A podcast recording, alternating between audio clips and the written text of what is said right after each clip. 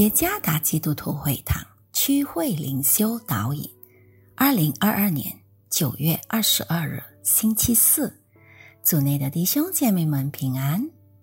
今天的灵修导引，我们将会借着圣经希伯来书第一章第一到第四节来思想今天的主题：耶稣真正的使者。作者彭卫国牧师。希伯来书第一章第一节，神记载古时，借着众先知多次多方的小谕列祖，就在这末世，借着他儿子小谕我们，又早已立他为承受万有的，也曾借着他创造诸世界，他是神。荣耀所发的光辉是神本体的真相，常用他全能的命令托住万有。他洗净了人的罪，就坐在高天之大者的右边。他所承受的名，既比天使的名更尊贵，就远超过天使。你是否听过“一个实际行动胜于千言万语”这句话吗？这句话的意义千真万确，因为实际行动比言语或单纯的话语具有更大和更强的影响力。理想情况下，一贯真执行事的人都是言行一致的。然而，在一个罪恶的世界里，诚信是一种罕见的品质。即使有，也必须认真持守与坚持下去。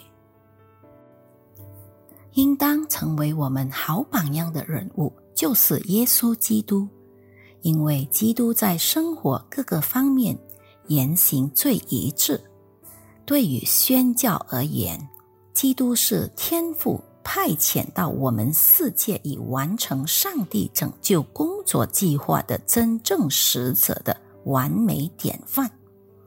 基督来执行和完成上帝的使命，已完美的完成了。希腊文 t e t e l e s t i 意思是成了。参看约翰福音十九章第三十节。我们的上帝是一位始终爱罪人的上帝，所以上帝借着众先知多次多方的小谕上帝的子民，最终借着上帝的儿子耶稣基督，参看第一和第二节。